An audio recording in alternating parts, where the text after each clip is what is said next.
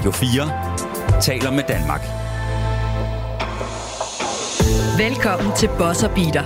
Din vært er Morten Stig Jensen.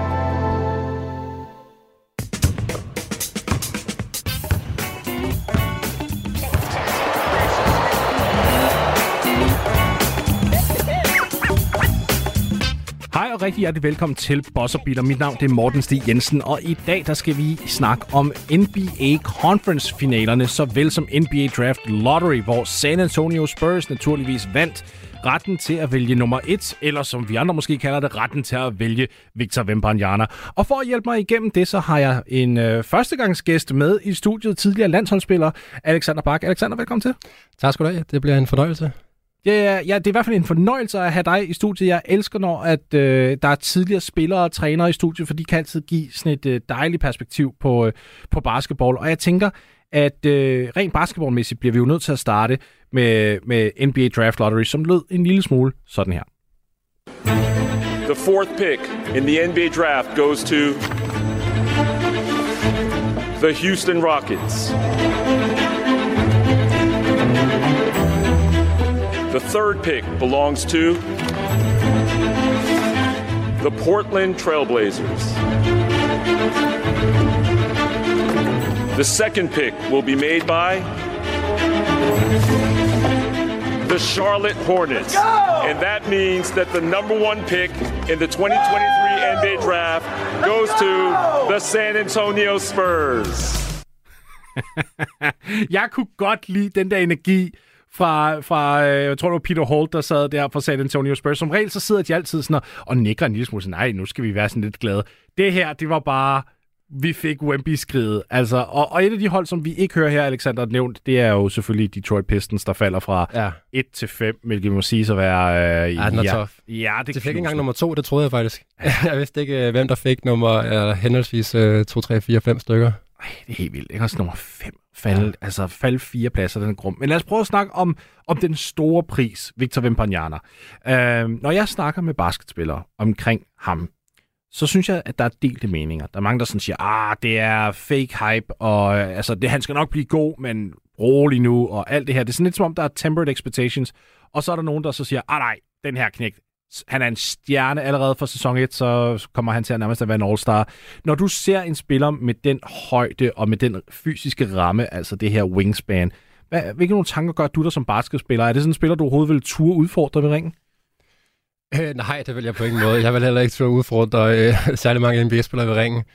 Øh, men altså dem, der har, hvis der er nogen, der har sagt fake hype, så det, det, det er nok typer, man ikke skal behøve at tage en basketdiskussion med, for dem kan man nok ikke øh, overbevise øh, noget som helst logik. Øh, jeg, har, jeg har ikke set ham spille en kamp eller, eller sådan øh, flere minutter, men jeg har set highlights, og det ser jo helt vildt ud. Altså, jeg har aldrig nogensinde set nogen øh, skyde en træ, og så løbe ind og, og gribe bolden og dunken øh, i samme bevægelse. Ej, det er fuldstændig vanvittigt. Ja, Jeg synes nærmest, det, det må være sæsonens store highlight for ham, som der også på en eller anden måde sat alle hans styrker ind i, i, på en eller anden måde ind i et highlight, hvor man ligesom siger, prøv at trepointskuddet, det er, at han bare tager det på den måde. Det er fordi, der er en forventning om, at jeg kan ramme det, og det kan han jo godt. Han kan jo sætte træerne. ja. Og så tager han de her to store skridt, skridt ind, hopper langt udefra, griber den med den ene pote og bare smadrer den i igen. Altså, det, jeg synes ikke, der er et bedre eksempel på, øh, på hvor potentialet ligger. Er han 7 fod 2 eller 7 fod 3? 7 fod 5. 7 fod 5. Ja, altså, så, så han bliver listet lige nu som 7 fod 4, ja. Men så det, er jeg tror, det er sådan, det er faktisk barfodet, der er det 7 4 og så 7-5 med sko, fordi man spiller jo trods alt sporten med sko. Øh, og så har han så det her vingefang på 8 fod. Det kan ikke engang huske, at det er i centimeter. Det er jo vidt op bag på to, næsten 52. Ja, ja, ja. Altså, 2,5 meter svingefang. nej, men...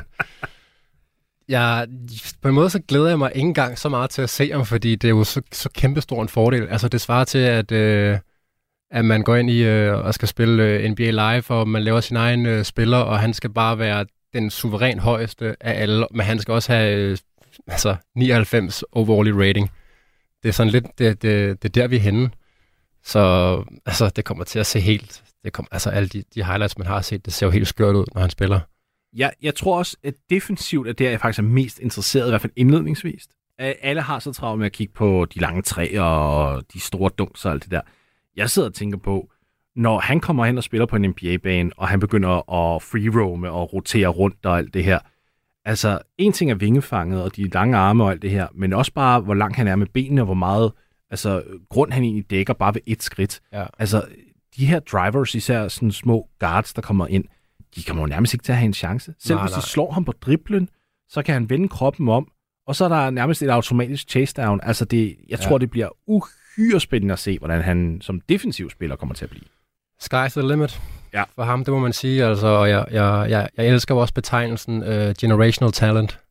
Det, det siger sig selv, det er meget få, der får den, men øhm, så kan man sige, at, at Luka Doncic, er han også det? det? Det er han måske nok, altså så mange kan der jo heller ikke være i... Så kan vi inddele efter positioner. Ja, lad, os- lad os gøre det, men der er ingen tvivl om, at han er det, altså, og, og han har det skud, som, som bare ser virkelig flot ud. Ja. Øh, og han kan putte bolden på gulvet, han kan, det ligner, han kan skyde runners, han kan hoppe fra den ene, fra den anden fod. Der, altså han spiller som var han øh, 6 fod 6. Øh, altså, det eneste er selvfølgelig øh, fysikken, for han er jo han er meget tynd, og, og han kan nok heller ikke blive så stor igen. Det skal han nok heller ikke blive, men altså han, han kan nok ikke undgå, at han, han får en, en skade eller to, og, og, og hvor slemt bliver han ramt af det, og hvordan, hvordan, Ja. hvor godt kommer han tilbage fra det, og det ved man ikke rigtigt. Han er stadig så ung, så, så, så han, har, han har nok ikke haft nogen slemme skader endnu. Det er heller ikke sikkert, at han får det, håber jeg bestemt ikke. Øh, men, men det er sådan set det eneste, og, og selvfølgelig NBA er jo også noget andet end, end, øh, end Europa. Selvom den franske liga, den er meget, øh, den er meget fysisk og atletisk. Hvordan har han egentlig klaret sig i den her sæson? Jamen, han, øh, han har leveret ud over al forventning. Øh, klubben var jo ikke øh, forventet til at skulle gøre noget som helst, og jeg mener, de sluttede grundspillet som nummer to eller tre eller sådan en. Det var, Okay, helt altså, op. ja, ja, det var, det var vanvittigt. Han, Han er, var den bedste. Ja. Ja. Øh, 20 plus point per kamp, 10 plus rebounds, 3 plus blocks. Altså, Ja, ja. øh, vi, vi kigger på altså MVP'en af, af hele ligaen øh, i, i, i en alder af 19 år. Ikke? også? Altså, øh, jeg, har, jeg har set mange af, af hans kampe, og en ting er, at når man sidder og kigger på highlightsene, altså, det er en ting, men, men, men man får faktisk rigtig meget ud af det, fordi det, det, der, der er så mange af dem. Mm. Altså, jeg har, jeg har sagt flere gange øh, på sociale medier, at det her må være den spiller, eller det prospect rettere, vi har den største highlight-pakke på, baseret på en sæson. Altså, jeg ved ikke engang, hvad ESPN skal gøre til draften, når de skal sidde og udvælge de der 5-6 plays, som de har tænkt sig at vise, efter han bliver draftet, fordi der er omkring 350 at vælge imellem. Det, det er fuldstændig vanvittigt. Ja, men jeg tænker også sådan lidt, altså, nu sagde du det der med vægten. Det synes jeg er en rigtig god pointe, og det er også noget, som han og hans team selv er, er meget sådan fokuseret på. De ønsker nemlig ikke, at han skal bulk op og blive sådan en uh, Jalen Duran-type center. De mener nemlig, at der ligger en masse alsidighed i, at han er bevægelig, og han skal helst ikke miste sin fart og alt det her. Men naturligvis, så tror jeg også, at der kommer lidt af den der KG-styrke på, ikke? Altså, altså, hvor at det ja, ikke er... det er måske et meget godt eksempel. Ja, Altså, hvis han kan være nogenlunde ala KG, så det må være, det må være øh, øh, peak for ham. Altså, det, det er klart bedste scenarie. Um, en ting, jeg også lagde mærke til, jeg så, var et enkelt klip, hvor jeg ved ikke, om det var efter en kamp, eller om det var opvarmning til en kamp, hvor han havde en, en fysisk træner, øh, som han lavede en, en hel masse øh, mobilitet, Ja. og sådan styrke, core, og, øh, og det tror jeg, det er, det er virkelig sådan noget, han også kan gøre. Vi så også Dirk Nowitzki, øh, back in the day, han lavede, og det var også meget med, med, med bolden, han lavede alle mulige underlige øvelser, mm. hvor man tænker, hvorfor gør han det? Og, og Kevin Durant laver også, det er også igen med, med bolden som opvarmning, alle mulige mærkelige øh, pivoteringer, hvor han så går op og skyder. Men det er jo med til at, at gøre dig stærkere, øh, og også mere teknisk. Men jeg tror helt klart, sådan, noget, sådan en form for styrketræning er, er rigtig meget skadesforebyggende. Og, øh, og der er det super vigtigt, at, øh, at ham og hans team er, er, er proaktive. Mm. Og de, det er jo især fødderne med nogle af de her store spillere. Det er jo det, man arbejder rigtig meget med, fordi altså ankelskader og øh, skader til tæerne og alt det her, det er jo noget, der kan gå ind og virkelig ødelægge rigtig meget. Var det ikke Shaq, som der havde problemer i mange år med stortog, og Yao Ming også med foden og ja. Alt det her. Øh, så jeg tror, det er der, hvor de så tænker, "Hm, prøv at, hvis han begynder lige pludselig at veje de her 130 kilo, så er det jo altså også ret meget pres, der lige pludselig kommer Ja, ned. det skal han slet ikke. Altså, det skal han skal han simpelthen ikke deroppe af. Nej, nej, nej, nej. Øhm, og det er jo også en af grundene til, at man har snakket om, at man helst skal have en, en større center ved siden af ham, der ligesom kan tage meget af, af den der, de der store fysiske matchups. Og, og det var en af grundene til, at jeg gerne ville have haft ham til Detroit. Nu nævnte jeg Jal- Jalen Durant, også en Isaiah Stewart og en James Wiseman, og jeg tænkte, okay, oplagt, at de ligesom kan træde ind og tage de matchups. Den person er der ikke i San Antonio. Og så jeg tænker, at vi måske skal snakke lidt om, hvad, hvad Spurs egentlig skal gøre herfra. Fordi jeg tænker nu, nu allerede nu, inden de har valgt ham, they're on the clock. Altså, de skal til at bygge noget op allerede nu, som der safeguarder ham en lille smule. De skal gå ud og finde sig en stor center. Og jeg kan ikke lade med at lægge mærke til, at en Brook Lopez for eksempel, han er en unrestricted free agent. Jeg ved godt, at du har en, en mesterskabsformular i Milwaukee og alt muligt, men hvis du smider nok penge efter ham, så tror jeg måske, du kunne overtale ham. Og jeg kan ikke lade med at sidde og tænke, at det muligvis, i hvert fald de første par år, vil være den bedste spiller at hive ind, fordi han tager de hårde matchups. Han skyder også samtidig træer, så det er ikke, fordi han står og roder rundt i, i feltet, hvilket ikke giver Wemby nogen form for plads. Og, og så ved du defensivt også, at han virkelig kan hjælpe til. Uh, jeg, jeg ved ikke, om det giver mening at, at hive Og så er han super sympatisk. Det er han også. så ja. det hjælper meget. Han vil ikke komme ind og tænke, at uh, nu har jeg chancen for at snit 20 og 10. Øhm, så ja, det vil da være oplagt. Altså, jeg håber, at, at, de, at de sætter på den måde, at, at, at Wemby, han skal vel spille den, den her klassiske fire-position. Ja. Øh, og prøve at beskytte ham så meget som muligt. Det kan man kun gøre ved, at man har nogle, nogle store spillere, både en god startende center, men også en backup center, center der kan komme ind og, og, og virkelig tage, tage de her slåskampe, som der jo kommer. Og så må vi også se, hvor mange, hvor mange kampe han ligesom skal spille i løbet af en sæson. Altså, jeg, jeg synes 82 kampe i NBA, jeg synes, jeg synes det er for meget. Ja. Øh, og det har de jo altid spillet, men, men, øh, men spillet er også bare blevet så meget hurtigere nu, og folk bliver endnu mere atletiske, og, og der er mange flere moves. Altså, du laver øh, Eurostep, lavede man ikke i 90'erne, mm. det gør man nu, og man kommer ned i fuld fart. Det, jeg, jeg ved det ikke, men jeg har det som, at der kommer flere og flere skader. Ja, det gør der. Og man kan også se i playoff, der er, ud af de 16 hold, er der måske, kan man snakke om, der er 10 contender-agtige, ja. altså bredt set. Der er altid i hvert fald tre hold, der falder fra på grund af skader. Øhm, Ja, det er lidt som om, det er den, det er den mest raske, der egentlig står tilbage det er det, til det er sidst. Det, ja. 100 procent. Altså, du, vi så, da Milwaukee vandt deres mesterskab, der var Nets, de var ikke klar. Øh, og de mødte Suns, som var kommet i finalen, fordi de andre hold heller ikke. Mm. Altså, det er en del af spillet, men, men det er en længere snak, der vi også ikke tage nu, fordi det er sådan set også ligegyldigt. De har ikke tænkt sig at skære ned for kampene, for der er for mange penge, de vil miste NBA. De er så vant til, at de har 82 kampe. Øh, så, så anyway, øh, Nej, men din pointe er jo rigtigt det der med, at de skal prøve at finde ud af, hvad balancen er for, ja. for Wembanyama. Ja. Fordi jeg, jeg er da enig med dig, jeg synes heller ikke, han skal ud og spille 82. Nej. Altså, det skal han da ikke. Man skal prøve at finde ud af, hvad er et passende tal for ham. Uh, jeg sad og lyttede til Zach Lowe's podcast uh, fra ESPN på, uh, i bussen her på vejen til studiet, og, uh, og, og altså, der, han havde Jonathan Giovoni, der er store draft-ekspert derinde også, og som har et, et meget uh, godt forhold til Wembanyama og hele hans lejr. Og, uh, og, og der snakkede de om den her kampbyrde, og Giovanni han sagde, at altså, det bliver en kamp også fra deres side, fordi Wembanyama vil spille. Altså hvis det stod til Wembanyama, så vil han spille alle kampe. Det har han faktisk gjort mm. her i mm. år øh, i Frankrig. Han er ikke blevet sparet en eneste kamp. Altså han har spillet dem alle sammen. Og det er selvfølgelig også et godt tegn. Men jeg tænker heller ikke, de har ikke haft nogen europæiske kampe ved siden af. Så... Ja, det er, det er en, en større byrde, det er det, du tænker. Ja, ja så fordi hvis man spiller Euroleague og den, øh, den lokale liga eller øh, nationale liga, så kommer de spillere faktisk op på over 60 kampe. Ja, ofte 70. Ja, ofte ja. 70, så det er næsten som en NBA-sæson. Ja. det er egentlig ret vildt. Ja, ja det, det der jeg faktisk mærke til med, med Ife for, for ja. et stykke tid siden hen i, øh, i, i Moskva. Han spillede 71 kampe på en sæson. Det havde jeg ikke rigtig sådan registreret, men det var sådan, så, det var da også bare sådan, okay, det var, ja. det var faktisk NBA-mængde. Øh, Hvis han er bygget nogenlunde som Ife, så vil det være super godt, fordi han, den, den, den mand, han bliver godt nok aldrig skadet. Ej, det er, i hvert fald sjældent. Ja. men, men ja, altså, jeg tænker i hvert fald, at Spurs nu, de skal til at finde ud af, hvordan man bygger op omkring ham. De skal også have en, en point guard. De har Trey Jones bevares. Jeg skal ikke, være, jeg skal ikke uh, slander Trey Jones, der spillet meget fint her i år. Men jeg kigger mere på ham som en backup point guard. De skal okay. have en, en gut, der kommer ind og virkelig kan, kan give bolden til Wemby, så det ikke bare bliver sådan et uh, create your own, go nuts. Ja, ja. Og der tænker jeg også, altså nu har Spurs masser, masser penge uh, her i år de kunne godt gå efter en Fred Van Vliet fra Toronto måske. Altså en gut, som der kan sætte spillet op, og som kan agere som spot-up-skytte. Så det vil så sige, når der lige pludselig kommer et dobbelt-team hen mod Wemby, jamen, så kan man lige pludselig finde ham på distancen, og så sætter mm. han de der 2-3 ja. træer per kamp.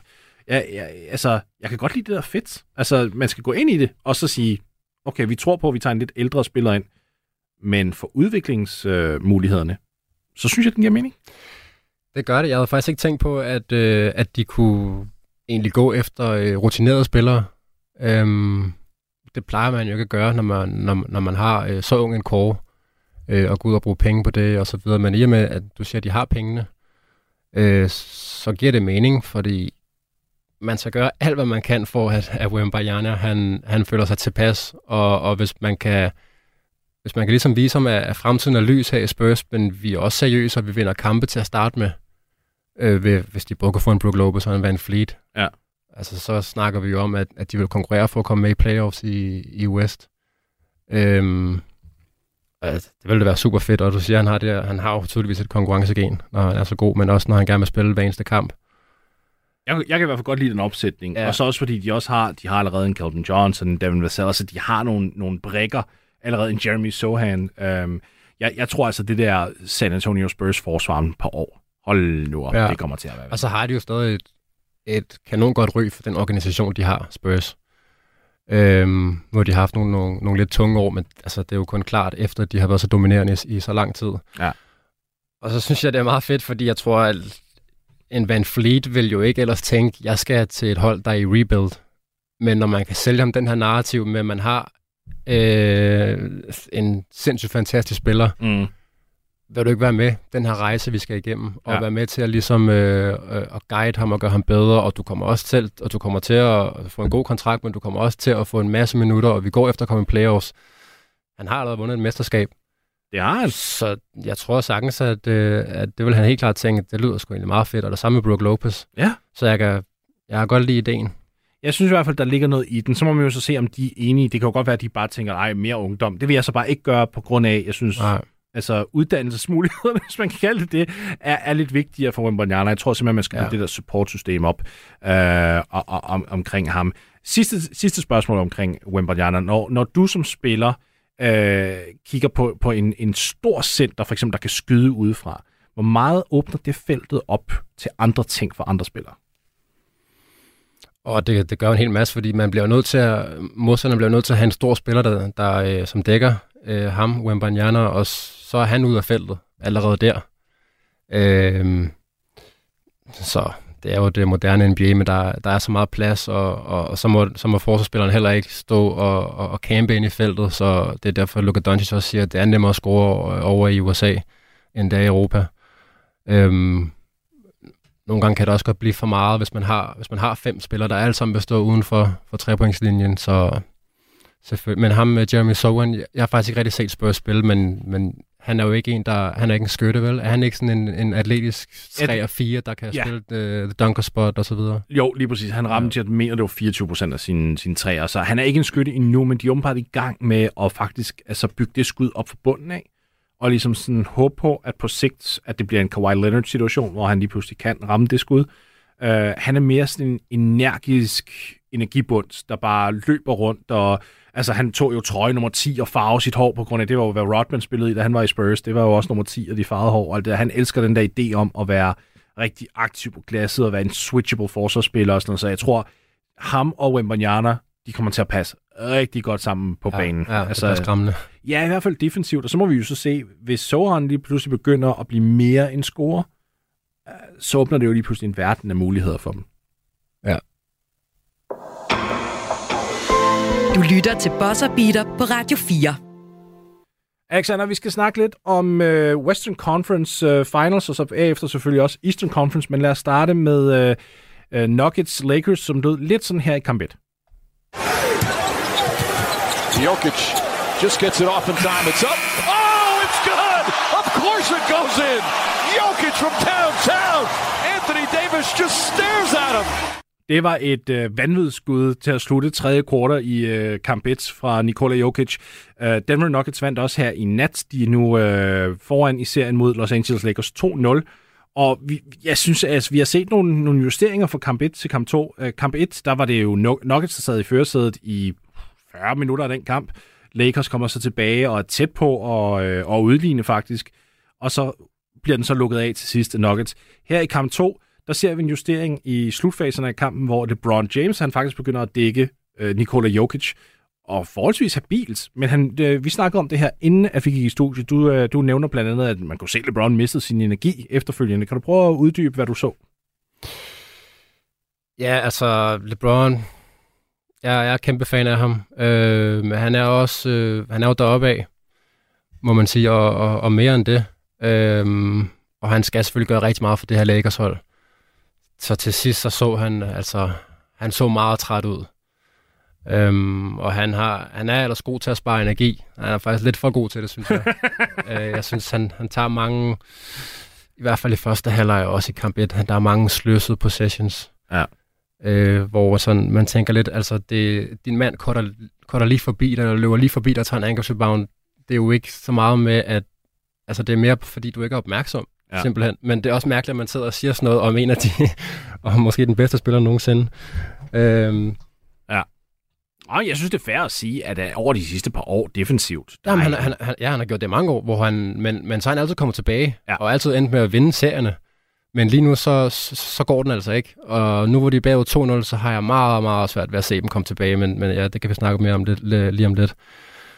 Ja. Men LeBron på, på Jokic, det synes jeg giver god mening. Altså, han kan ikke gøre det i, i starten af kampen, men der var der, de startede med, her, med at have Anthony Davis på ham. Ja. Øh, og de fandt jo ligesom ud af i kamp 1, at, at det var en god idé at sætte øh, Rui Hachimura på Jokic. Og yes, det var som om, de gjorde det lidt for sent. Jeg synes næsten, de skulle have gemt det kort her til kamp 2. Men, men, men Nuggets på den anden side, de, havde, de har stadig ikke regnet den ud. Øh, men det, de gjorde her i kamp 2 Lakers, det var at starte med AD på ham, hvilket jeg synes er, er fornuftigt. Øhm, og, og så kom, som kampen skred lidt frem, så var det Hachimura. Og til sidst var det så i fire korter var LeBron, hvor man Mm. så både havde AD og Hachimura på banen, som også øh, er en stor gut. Øh, Rui Hachimura, ikke? og som sp- spiller fuldstændig fantastisk. Altså, Ja, især offensivt i begge kampe. efter altså, så går ud, mand. Og, og, og det samme med Austin Reeves. Altså, jeg må, jeg må blankt indrømme, jeg sad der efter kamp 1 og tænkte, okay, prøv at høre. De fik altså lige topkarakter performances ud af både Austin Reeves Ja. og, og Rui Hachimura. Det får de da ikke igen. Nå, okay. Det gjorde de så lige i kamp 2 også. Altså, ja. Ja. det, er, det er altså et kæmpe kort at kunne trække, hvis du kan regne med de to fra en kamp til kamp basis. Hvad angående LeBrons forsvar, jeg har jo været meget, meget kritisk over, over for LeBrons forsvar i, i lang tid nu. Øhm, og, og havde også en, altså, nogle, nogle ting på de sociale medier her forleden, for at jeg ligesom sagde, prøv lige at høre, vi bliver altså nødt til at åbne øjnene her.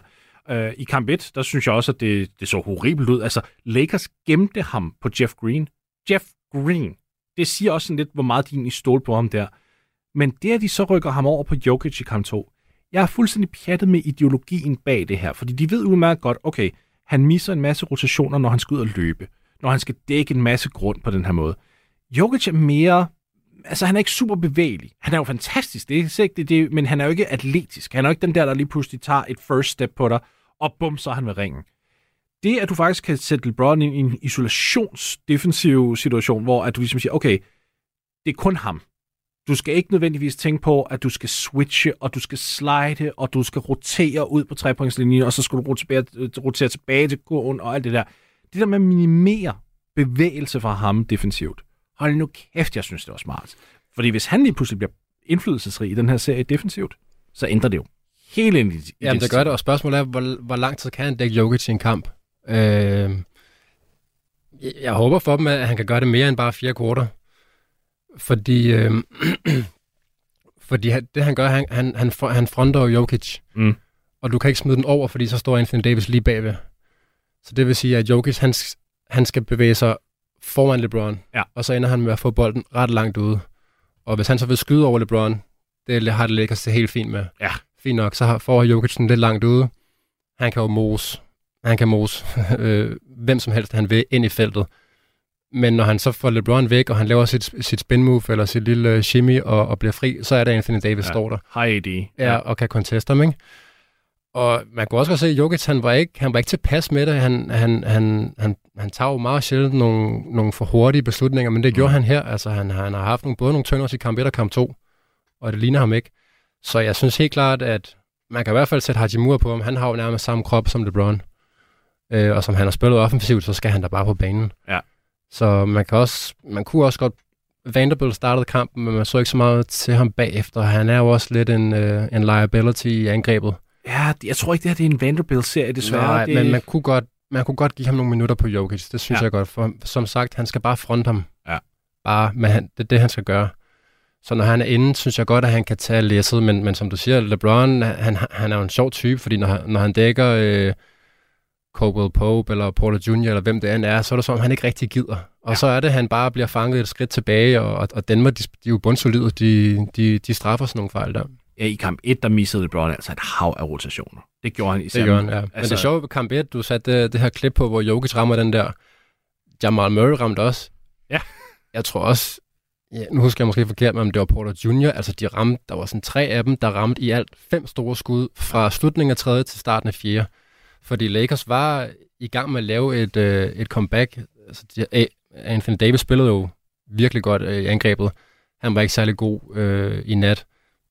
Det er måske meget sigende, egentlig, at når, han, når AD er bedst, så er han den bedste, men, men han kan bare ikke holde...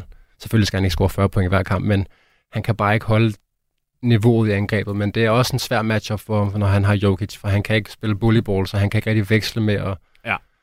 Og man kan ikke rigtig stole på hans jumpshot nødvendigvis. Det er ikke sådan, Nej. du har ikke lyst til, at Anthony Davis skal gå ud og tage syv træer per kamp, for eksempel. Ikke en altafgørende playoff-kamp, nej. Nej, overhovedet ikke. Og, og trepointslinjen var jo også en faktor her i nat. Altså, Lakers går 8 for 30, øh, og, og Nuggets går altså 14 for 38. Ikke? Også det er sådan, nogle gange så er det altså også bare det, der svinger en serie. Og jeg, jeg tror, jeg, jeg sidder og kigger på det her Lakers hold en gang imellem, og jeg tænker, altså, hvis de havde bare en til tovejsspil, så sådan en 3D-guy, en rigtig pålidelig 3D-guy, så, så tror jeg faktisk, at den her serie har været udlignet. Altså sådan en, en gut, der kommer ind, hvor at du ikke bliver nødt til at ofre defensivt. For eksempel, jeg elsker Austin Reeves, men lad os være helt ærlige, defensivt, der er han ikke på det niveau, som, som mange andre er. Nej, nej, du Altså- kan ikke kalde ham for en 3D-guy. Også for han er jo mere en combo guard. Ja, han scorer. Øh, ja, han scorer, ja. Og så har du så øh, Schroeder, Ja. som... Det er fandme også svingende. Ja, det er godt nok synd. Jeg ved ikke engang, hvordan jeg skal beskrive ham. Ja. Altså, han bidrog ikke med særlig meget. Øh, han, havde, han havde fire point i nat, tror jeg. No- noget i den stil. Ja. Og han har et meget, han har et meget langsomt trepointsskud. Altså, han, han er god til at blæse forbi folk, men, men, men Jokic, han er, han er ikke en rim protector, men han, han, er, han er en paint protector. Ja. Han fylder hele feltet. Så, så den der, den der, øh, den der, hvad skal man sige, lane på godt dansk, som, som Schrøder, han, han, han har på sit højrehåndslayup, den har han ikke rigtig i den her serie. Øh, og så er der så D'Angelo Russell, som øh, min lillebror er, elsker ham, er kæmpe fan af ham. Også i den Han- her serie. han gør, hvad han kan for at forsvare ham, det kan jeg love dig for. Okay. øh, jeg kan godt lide ham, men øh, og jeg synes, han, han passer super godt på det her hold. Ja, enig. For han kan også spille den her combo guard. Ja. Og LeBron, det, øh, LeBron, han har altid været en, en, øh, en villig afleverer. Og man kan også godt se, at han, LeBron ved umiddelbart godt, at han skal, han skal opspare noget energi. Så han afleverer Torsten Reeves og D'Angelo Russell i angrebet. Specielt Reeves, når han kan se, at at, Mm. han både har trepointskud, der sidder, og han kan drive. Han afleverer til ham. Det synes jeg er rigtig fedt at se. Men D'Angelo Russell i Han er- forsvaret, han er Ja. bare, hold nu op. Det, Og i angrebet, den her serie. Ja. Altså, der er ikke noget, der har spillet Nej, her. det er Så, altså, rigtigt, med ja. respekt for din lillebror, ja, ja. så, vil, så vil jeg sige, den, den her serie har ikke ligefrem været en D'Angelo Russell-serie. Altså, det, det bliver det nok heller ikke. Man kan håbe for det, at, at alle for Lakers, alle de her rollespillere, at de stepper op på hjemmebane. Men på den anden side, de har allerede spillet godt. Ja. Sådan da. I hvert fald Austin Reeves ikke? og Hachimura. Som du siger, det ikke, kan man forvente, at de gør det igen. Det kan man nok ikke. På den anden side, kan man forvente, at Jamal Murray scorer 30 point. Det er lige før. ja, jeg skulle så sige, det tror jeg da godt, man kan. som, vi, som vi kender playoff Murray, så er det lige før. Men, men, men Han har ramt 37 i nat, jo. Ja, han er god. Han er virkelig god. Altså, jeg, jeg er faktisk glad for, at vi, vi får den her øh, oplevelse af Jamal Murray, fordi ja, han fik jo enig. korsbåndsskaden, Ja. og så blev han ligesom lidt glemt. Øh, og jeg tror, der er mange, der har en tendens til at kigge på Murray som værende sådan en komplementær spiller next, altså ved siden af, af, af Jokic. Og jo, altså, alle, enhver spiller vil nærmest være en komplementær spiller ved siden af Jokic til en vis grad. Men Jamal Murray, han er jo nærmest en stjerne i sig selv. Han er virkelig dygtig. Det er han. 100 procent. Altså, man skal ikke glemme, hvad det var, han lavede i, øh, i, øh, i The Bubble, i den Ja. ja. serie mod Donovan Mitchell, Hold og bagefter mod Clippers. Han var dygtig. Ja, det var, det var ret vildt. Man, man, man tænker jo også sådan, altså, er han, er han den her øh, næstbedste spiller på et, play, på et championship-hold? Er han det? Altså, fordi jeg har ham ikke, som umiddelbart har jeg ham ikke, eller havde jeg ham ikke højere end Drew Holiday og en Chris Middleton for eksempel. Ja. Og vi har Giannis og Jokic cirka lige gode, ikke? Og så Milwaukee har både Middleton, okay, han er godt nok meget skadet, men, og Holiday, hvor Nuggets har kun Murray. Ja. Så jeg kan ikke helt få det til at gå op, men på den anden side, Murray, han, han er bare en, en shotmaker. Det er Middleton også, men Murray, han kan jo kreere sit eget skud sådan helt vildt og spille pick and roll med Jokic, og han stepper bare op i playoff. Altså, han, han jeg tror, han, jeg synes, jeg så en stat, hvor han snitter 16 point for sæsonen, og så deromkring, og så, og så lægger han lige 5 point til på i playoffs, og Jokic gør det samme. Ja. Så det er dine to, det er dine to superstjerner, der lige giver dig 10 point ekstra. Jeg tror, der hvor forskellen ligger med Milwaukee, det er, du har selvfølgelig øh, Drew Holiday og Chris Middleton, som du kommer ind på, som ligesom kan løfte en del af det ansvar. Men så er der også et kæmpe drop-down ned til Brook Lopez for eksempel. Hvor at i Denver, der kan du altså også lige pludselig køre med Aaron Gordon og Michael Porter Jr., som hver især har deres styrker. Altså Michael Porter Jr. for eksempel, lige pludselig ud af ingenting, så kan han smide 30, ikke? Og så kan jo. han ramme 7 af 8 ud for træeren, og du har Aaron Gordon, der kan gøre stort set alt, og er en af de bedste defensive spillere i hele Ja. ligaen. Så jeg tror, der ligger noget der. Og så skal vi altså heller ikke glemme, at, at Caldwell Pope, altså good old, altså uh, Caldwell Pope, han, han, prøv, vi, vi kigger altså på en spiller, som der er en, en seriøs 3D-guy. Altså, han har tidligere ja. været ved Lakers. Det er jo sjovt nok ham, de står og mangler i Los Angeles lige nu. Det er den slags spiller, som der kan ramme trepointsskydet, øh, som der kan rotere rundt, der kan switche, der også kan håndtere bolden en lille smule mere, end man måske tror. Altså, der, der er noget der. Men, men spilleren, som jeg savner, vi måske snakker lidt mere om, Bruce Brown. Ja. Ej, altså, Ja. prøv at høre. Det er, vi er jo begyndt at se den her udvikling i NBA med, med spillere, der kommer ind under øh, den her paraply, der hedder connector. Altså, det, og, og så er nogen, der tænker, hvad fanden er en connector? Okay, en connector, det er en, der både playmaker en lille smule, men ikke nødvendigvis er en point guard. Det er også en spiller, som der rebounder en lille smule, men ikke nødvendigvis går ind og tager 10 per kamp. Og så er det en spiller, der også kan skyde og score en lille smule, men ikke nødvendigvis er dominerende. Det er en spiller, der bare finder sine pladser Ja. i angrebet og forsvaret kontinuerligt, og, og bare viser sig selv altså, uvurderlig for de her klubber. Jeg kunne rigtig godt lide ham i Nets, øh, hvor han spiller sammen med de her øh, tre superstjerner, og virkelig god sammen med, med KD, hvor han jo spillede en slags undersized 4. Ja. Altså, han er 6 fod 4 ja. øh, og han spillede pick and roll, og så har han virkelig god floater. Ja. Øh, og den ser man ikke så meget nu, men det er jo klart, fordi du har Jokic inde i feltet, og så har han, men han har bare bygget på. Altså, han håndterer bolden nu, han spiller pick and roll, han skyder træer i fast break, han tager den stærkt til ringen, og han ser en, der ikke er en specielt god forsvar, det er Angelo Russell, så går han bare på ham. øh, eller Schroeder, whatever, fordi de jo... Ah, nej, jeg ved godt, hvad du er ude på der. Det var et lille digt til lillebror, det der. Det er rigtigt. Godt. Men, men, men de her guards, altså han er jo han er virkelig stærk, og han, altså, han er meget fysisk, Ja. og spiller lynhurtigt, så snart der er en guard, der er mindre end ham, så, så, så ser han sin chance.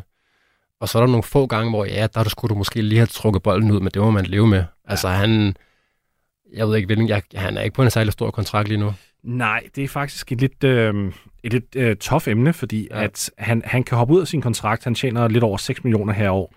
Ja, det er ikke meget. det er ikke meget. Nej. Og, og problemet er, Nuggets har ikke rigtig muligheden for at beholde ham. Hvis han får et, et kontrakttilbud udefra på måske 18 millioner om året, hvilket han ærligt talt, det kunne han godt få. Og Det, det synes jeg, han skal have. Ja, det Absolut. tænker jeg også. Ja, ja. Nuggets står faktisk ikke, de, de kan ikke tilbyde den samme. Nej, men sådan er øh, det. De må gå efter mesterskabet lige nu. Ja. Og håbe, at de får det, og det tror jeg også, de gør. Øhm, og- Okay, du gået hele vejen. Ja, det gør jeg. Der er kun fire hold tilbage, Morten. Det er ikke et hot take at tage. Ja, nok, ja, nok, spændende nok. Nå, Det kunne godt være, det kunne godt være, du sådan tænkte, ah, prøv at høre, Lakers vender tilbage og tager den her. Nej. Eller at det er jo Boston. Der er jo mange, der kigger på Boston, og vi skal nok vende tilbage til dem. Ja. Men, øh, men, men nu skal du høre, jeg vil lige prøve at lukke den der af med LeBron og forsvar også, også fordi det skal være en lille segue til noget andet. Fordi jeg kan jo godt lide den her idé med, at man faktisk prøver at finde ud af, hvordan LeBron kan være effektiv defensivt. Fordi nu har vi set alle de her år, hvor han roder rundt, og bogstaveligt talt roder rundt på distancen, og det ser virkelig ringe ud. Hvis de finder ud af, at de kan bruge ham som en, en, en øh, uh, øh, post-defender, eller, eh, altså nu ved jeg godt, at han gik ud og, og jagtede Jokic lidt højt, men generelt, hvis du kan få ham lidt længere ind mod ringen og være en, der dækker inside guys, så kigger vi jo lidt på en situation, som vi gør med James Harden i sin tid. Han kunne ikke dække en sjæl ude på, men han kunne komme ind og dække i posten.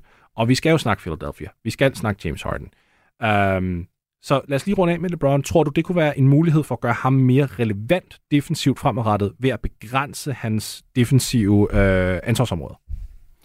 Ja, absolut. Men som sagt, spørgsmålet er, hvor langt han kan gøre det. Altså, og, og, og hvor hårdt synes han, det er. Mm. Fordi det kræver også rigtig meget fodarbejde og benarbejde øh, og, og holde sig foran Jokic. Så det må være, det må være en vurderingssag fra, fra LeBron. Ja. Øhm, ja, men altså, som træner er det også svært at, at ligesom gå kampen igennem og sige til ham, prøv at høre her, hvor, hvorfor er det, du ikke bokser din mand ud her? Hvorfor er det, du ikke lige tager det ekstra skridt her? Det, altså, det kan man jo ikke rigtig... Altså, han, han er jo... Han er jo... Øh, han er LeBron, han er kongen, så han, det, det, det, det styrer han bare selv. Det har han altid gjort. Det kan Darvin Ham ikke begynde på. Men, men det er klart, man bliver nødt til at, at, at løse det nu.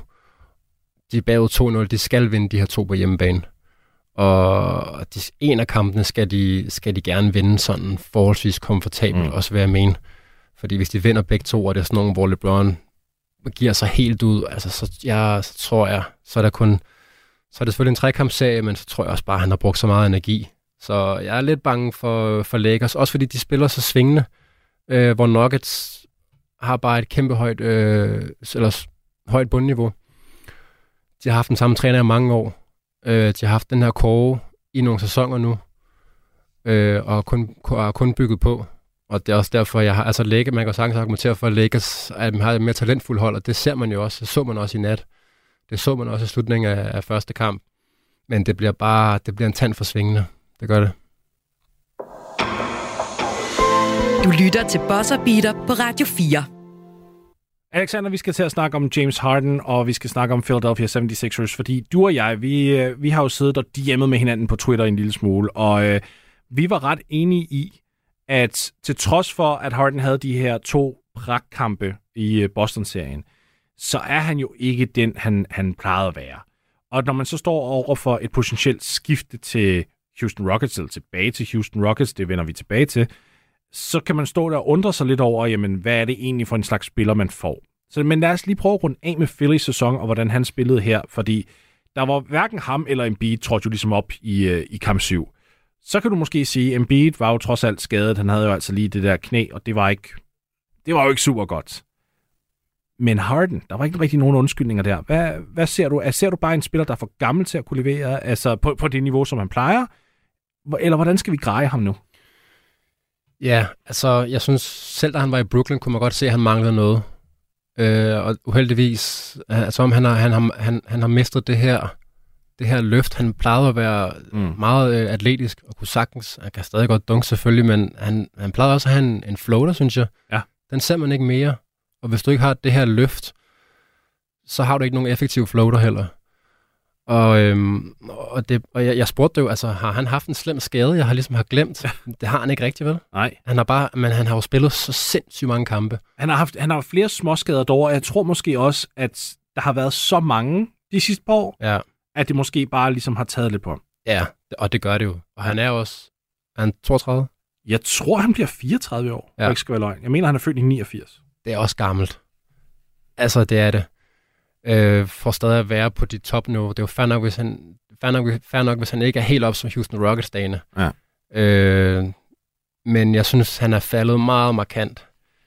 Og det er jo også, fordi han har spillet så mange kampe. Altså, jeg tænker da allerede, altså, han har spillet langt, langt flere kampe end for eksempel Michael Jordan. Ja. Altså, han har jo, og respekt for det, for at han, han ikke har taget det her injury management til sig. Men man ser også konsekvensen af det. Og så også en ting er kampene, noget andet er jo by, altså byrden af, af hvor meget har han været helt ekstrem. Altså i Houston, Den har det var, helt ekstrem. hvad var det, han slidede over? Var det 36 point per kamp? Ikke? Ja, altså, ja. Det er jo ikke fordi, han, han har været fantastisk. Det er jo ikke fordi, man sidder her og, og prøver at, øh, at nedtone, hvad han gjorde førhen. Men jeg har bare svært ved at se, når folk for eksempel slynger om, så, så siger han, når max-kontrakt til Houston, sådan en max-kontrakt. Nej, nej, det, er- det er slet ikke der, jeg slet jeg, jeg har været fan af Harden i, i virkelig mange år. Øh, og jeg håber, han, han kan slutte sin karriere øh, af sådan, altså virkelig godt. Men også fornuftigt. Jeg har ikke lyst til at se, at han skal være the man. Ja. Altså, jo, han kunne godt være det for Rockets, og så kunne de prøve at gå efter en play-in-plads. Agtigt. At, at best.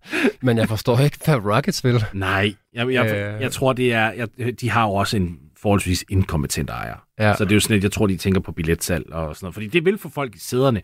Men jeg sidder også bare og tænker, det er sådan, du går totalt på kompromis med dit, øh, dit langtidsvision. Altså først og fremmest. Men det, det er igen den der, der sidder i mig, den der max-kontrakt. Altså, han gik... Jeg synes, han var perfekt kastet til den her rolle i Philly, hvor at han ikke var nummer et. Han ligesom var nummer to. Han tog sådan en, en playmaking bagsæde, kan man sige. Ja. Men angiveligt, i, altså ifølge Chris Haynes fra, og hvor han er henne nu, alle de her rapporter, amerikanske rapporter skifter arbejdspladser hele tiden. Jeg tror, han er fra Yahoo. Um, han gik ud og sagde, prøv at høre, Harden vil gerne ud og spille det spil, han plejede at gøre. Ja. Og jeg sådan tænker, åh, åh.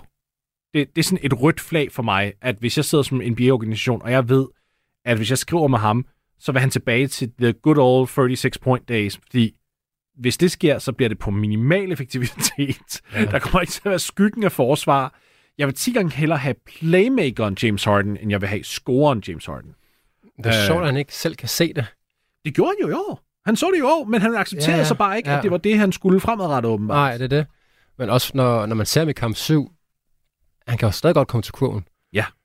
Men han afleverede ud rigtig mange gange, hvor, hvor det lignede, han, havde- han havde en okay skudmulighed. Det tror jeg er fordi, altså enten har han taget den rolle lidt for meget på sig, eller også er det fordi, han bare ikke har den selvtillid, fordi han som sagt ikke har det her løft. Han får ikke de her 10, måske 15 ekstra centimeter, Ja. når, han, når, han, når han hopper, og så, så er det han, altså så får du meget dårlige skudprocenter.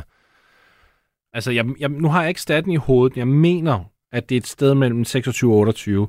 Men det var 26-28 procents øh, scoring-effektivitet inden for en meter ring i slutspillet. Ja. Ja, Det er ikke holdbart. nej, det er virkelig dårligt. Øh, hvad var det, jeg vil sige? Altså, jeg synes, at Harden, jeg synes, at, øh, at det er sjovt, at han ikke, hvorfor Ja. vil han ikke blive, når han også har en Tyrese Maxey ved siden af sig? Ja. Hvor det er helt tydeligt, at Maxey er klar til at tage endnu et skridt op, og han kan tage meget af den her scoring, for han er ikke rigtig en playmaker. Ja. Og så kan Harden ligesom tage det her, øh, være lidt mere tilbagelænet. Og så kan han jo gå amok, når det endelig er, at han, for en gang imellem, så er det jo som om, så finder han jo de gamle kræfter tilbage. Ja. Altså, han havde to kampe, hvor han var banens bedste, uden tvivl. Og det siger jo også noget om hans talent. Men han er i en meget svær position nu, fordi han ikke kan gøre det, han plejede at gøre. Han, Ja. han skal hele tiden tænke sig om, hvad, hvad er mine begrænsninger? Og han skal hele tiden tænke på at spille så effektivt som muligt. Og det har måske ikke altid været James Harden, i og med at han heller ikke kan komme på straffelinjen, som han gjorde i Rockets-dagene, Ja. hvor han jo fik alle kald. Ja, der trak han bare vejret, og så kom han på linjen. Ja. Altså, Så jeg synes, det er... Åh, jeg synes, det er en svær situation. ja, det synes jeg Og også. som sagt, så, så er jeg lidt overrasket over, at han gerne vil være the man. Altså, det har du været de sidste 15 år. Du har stået, du har stået ude på trevængslinjen og driblet mellem benene de sidste 15 år. Skal, skal der ikke ske noget nyt nu?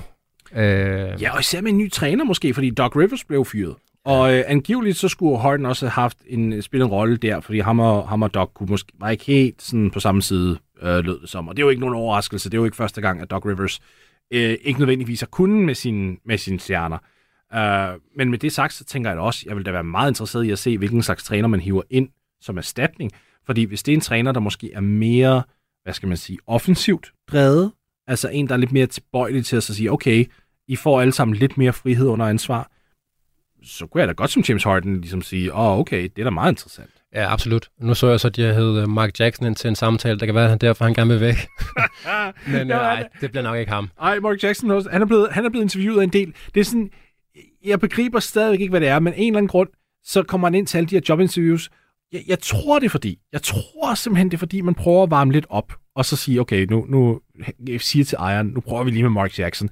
Og så er han bare et redselsfuldt interview og siger, ej, det var ikke så godt. Så hiver vi my guy ind i stedet for at se. Så, ej, så ser min guy helt fantastisk ud i stedet for.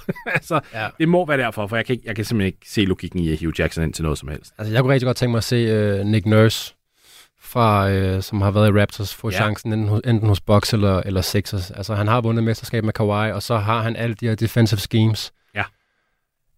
Uh, og så er han også bare, ja, er noget anderledes end, end Doc Rivers. Så jeg tror, det vil være, Det kunne være interessant. ja. ja jeg tror, det vil være et, ikke bare et frisk pus, men også så kan de ligesom bygge videre Ja. med, med det samme. Men så er spørgsmålet så kontraktmæssigt med Harden også, fordi at hvis han vil have en max, Ja. altså han tog 14 millioner mindre sidste år, og så var der så den her player option, som han så kan samle op, og det gør han ikke. Han samler ikke den op. Øhm, det, jeg, jeg tænker faktisk, det lønniveau, han var på her den her sæson, det var langt mere passende. Altså de der midt 30'ere i stedet for høje 40'ere.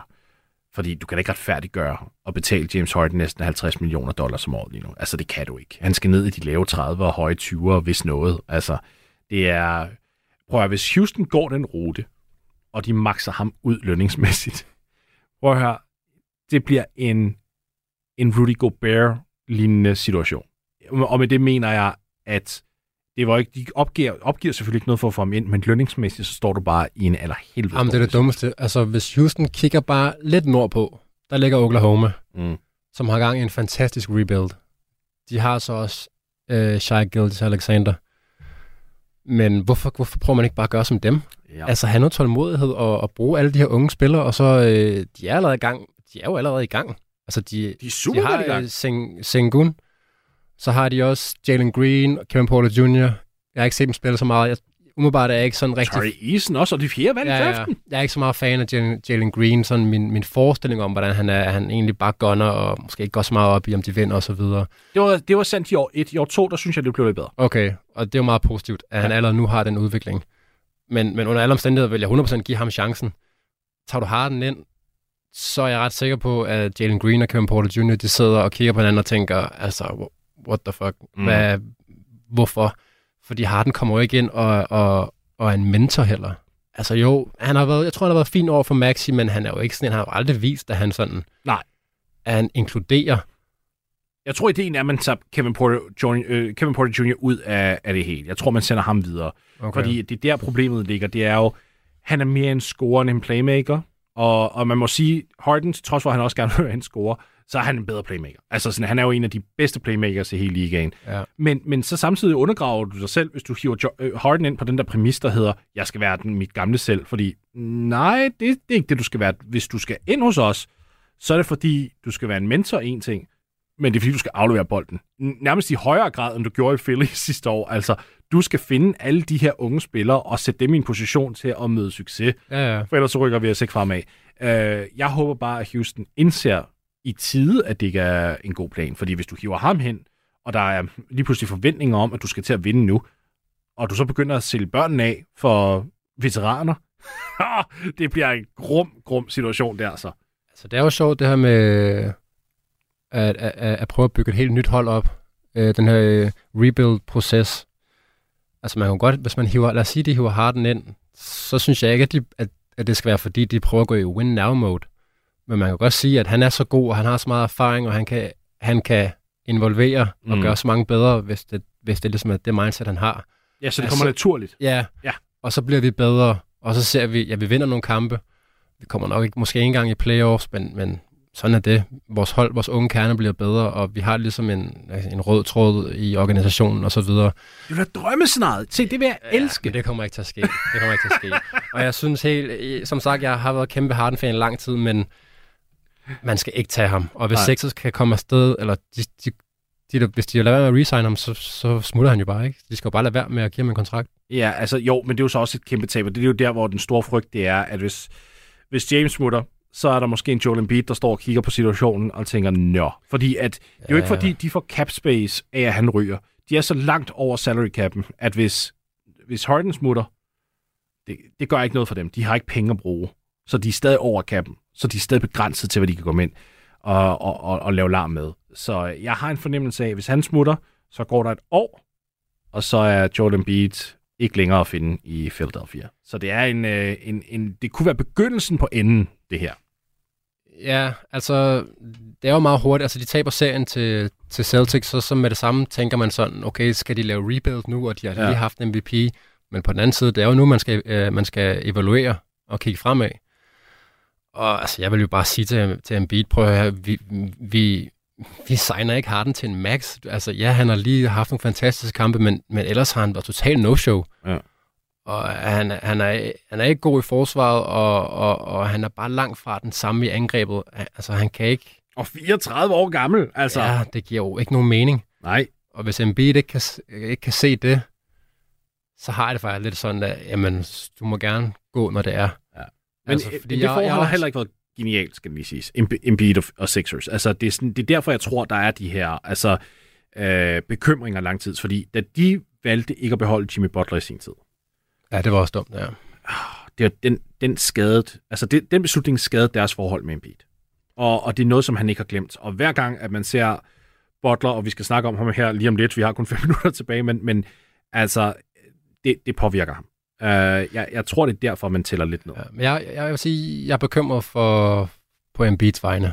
Fordi øhm, Jeg elsker ham. Han, han, han er godt nok øh, han er fantastisk. Han er en af de bedste. Det giver selv. Han lige vundet MVP, men yeah, du så, altså han, han, han gav den virkelig liv i regular season. Ja. Og han spillede 65 kampe.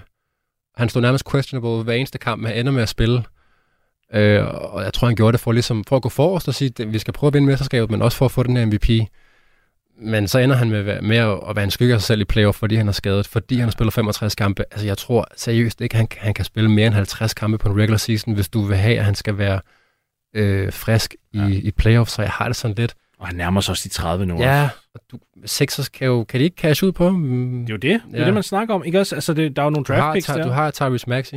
Ja, jeg, jeg, tænk, jeg tænker faktisk mere, at Portland vil jo gerne trade deres, øh, deres nummer tre øh, valg her. Og de har også en Shaden Sharp, og de har en Anthony Simons. Yes, altså det er da ikke den værste pakke, man kan tilbyde Philadelphia for, øh, for Joel Embiid. Og de har også nummer 23 i draften også. Uh, just saying, altså det er noget værd at overveje. Du lytter til Bosser Beater på Radio 4. Adebayo mashing his way into Horford. Shot clock at three.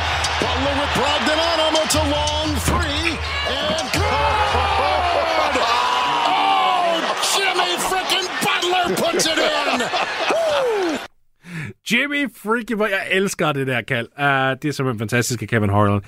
Prøv at høre, vi, vi, bliver simpelthen, vi har kun uh, små tre minutter tilbage at, at snakke om den her serie, så det bliver meget kort. Uh, Miami kommer ud og vinder kamp 1 uh, på udebane mod Boston. Jimmy Butler er fantastisk. Vi snakker 34-35 point, 5 rebounds, 7 assists og 6 steals, mener jeg. Det er, det er et eller andet fuldstændig absurd i den, uh, i den størrelsesorden.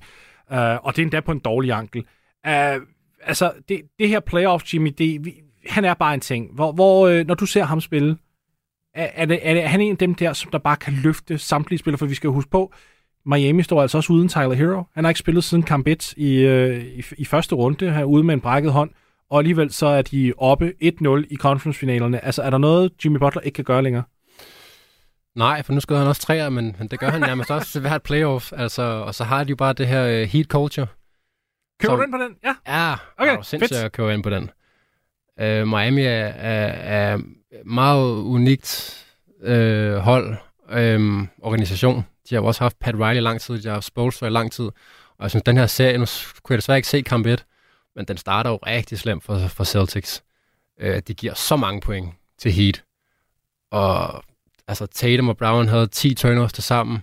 Øh, de skyder, var det 10 for 29 træer, mens Heat skyder 16 for 31.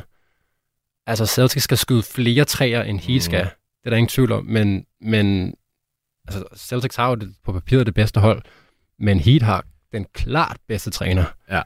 Og det bliver rigtig fedt at se, øh, hvor stor en betydning det egentlig har. Og så, altså, Celtics, de, er, de har det svært, for de er godt nok svingende. Øh, jeg så også lige sidste år, hvor de jo kom i finalen, men der...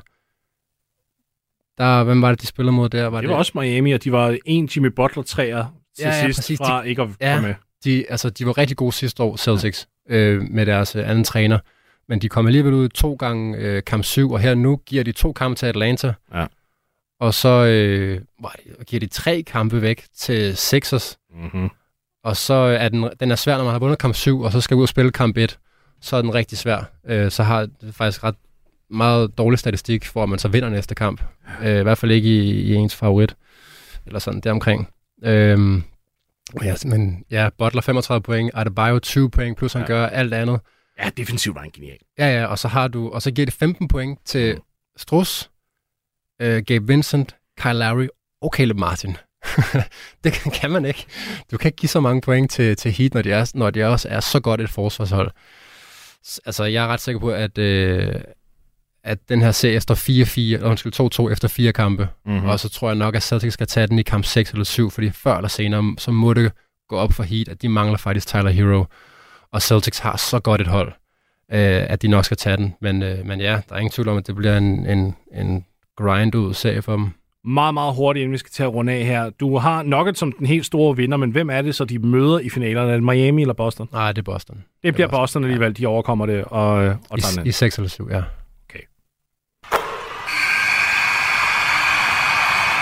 Det var bosseren, og øh, vi kom rigtig øh, bredt omkring, synes jeg, vidt omkring, øh, Alexander. Det var øh, fantastisk at have dig med. Øh, jeg håber, at øh, jer derude, der lyttede med, I fik noget ud af det hele. Vi, vi rundede Victor Wembanyama, slutspillet, og vi kom også lige ind på James Harden og Philadelphia 76ers. Jeg håber, I har en øh, rigtig, rigtig god weekend derude, og indtil vi snakkes igen, så må I passe rigtig godt på jer selv. Du har lyttet til en podcast fra Radio 4. Find flere episoder i vores app, eller der, hvor du lytter til podcast. Radio 4 taler med Danmark.